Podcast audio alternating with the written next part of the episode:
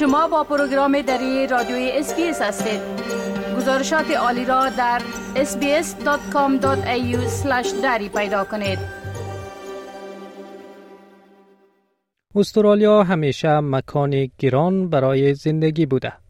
هزینه های مواد اولیه، مسکن و حمل و نقل در این کشور در مقایسه با کشورهای مشابه بالاترند.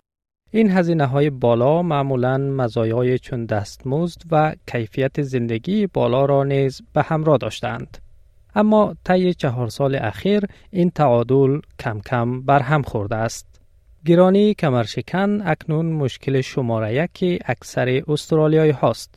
چنان که این باشنده ساکن بزرگترین شهر استرالیا سیدنی می‌گوید که قیمت همه چیز بالا رفته و او مجبور است از خریداری اقلام لوکسی که قبلا می خرید خودداری کند تا بتواند از پسی هزینه های زندگی خود براید.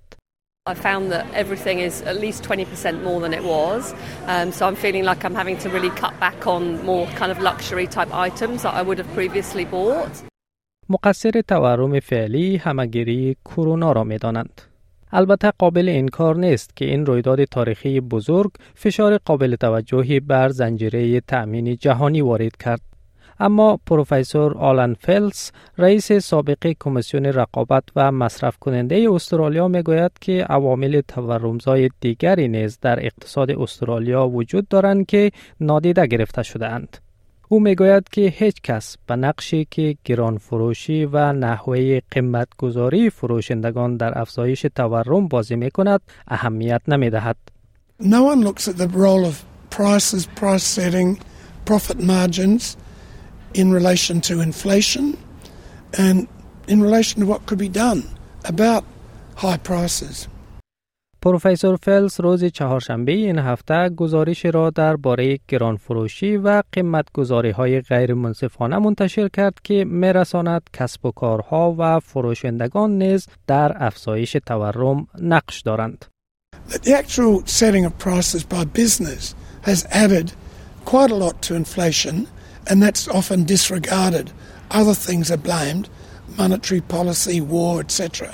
Business prices contribute a lot to inflation. اما اندرو مکیلار مدیر عامل اتاق تجارت و صنایع استرالیا سوء استفاده کسب و کارهای استرالیایی از استرالیایی ها را رد می کند. او می‌گوید که تورم یک مشکل عمومی در سراسر اقتصاد کشور است و کسب و کارها و تجارت ها نیز از آن متاثر شدند. Uh, not at all. Look, uh, it's a very, very difficult uh, trading environment. Uh, not only has the cost of living been rising, but the cost of doing business has been rising, and none more so than for small business. So I think really here, uh, this is a problem across the whole of the economy. Uh, we are starting to see inflation coming down. Uh, but there are fundamental reforms that have to be undertaken if we are going to make it uh, easier uh, for business uh, to operate in the future and to take inflation out of the economy.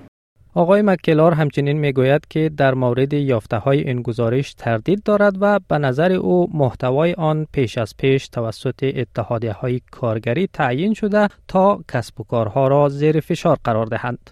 Well, look, I think we are very sceptical about uh, the report that's been produced uh, and its uh, recommendations. Uh, uh, honestly, I think this was something that was predetermined uh, by the union movement to put the worst possible light on business. So, so, so, we don't put a great deal of stock in what's been put forward. پروفسور فلس میگوید که سیاست اقتصادی استرالیا زمین ساز شیوه های قیمتگذاری ناعادلانه بوده. و گفته او در استرالیا چیزی جلودار ادغام شرکت های بزرگ و انحصار بازار توسط آنها نمی باشد و دولت برخلاف ایالات متحده قدرت تجزیه تجارت های بزرگ را ندارد. There's been a history until recent epochs of letting monopolies emerge, of letting mergers go through. Also, we don't have a power to break up big business, unlike in the US.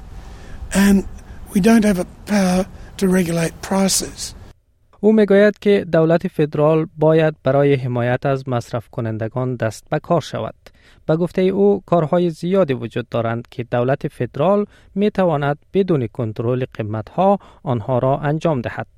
از جمله این که می تواند قوانین مربوط به ادغام تجارت ها را سختتر و قوانین رقابت را تقویت کند. Needs to make a higher priority of prices. There's a lot of things they can do without having price controls. And on top of that, they need to strengthen the competition policy, a tougher merger law, and also do something about governments themselves taking actions that put up prices. از سوی دیگر کمیسیون رقابت و مصرف کننده استرالیا در بیانیه گفت که آنها با اشتیاق یافته های گسترده این گزارش در مورد سیاست اقتصادی کشور را بررسی خواهند کرد. من سام انوری هستم و این گزارش توسط رانیا یالوب تهیه شده بود.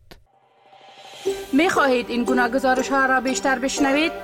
با این گزارشات از طریق Apple Podcast، Google Podcast، Spotify و یا هر جایی که پادکاستتان را می گیرید گوش دهید.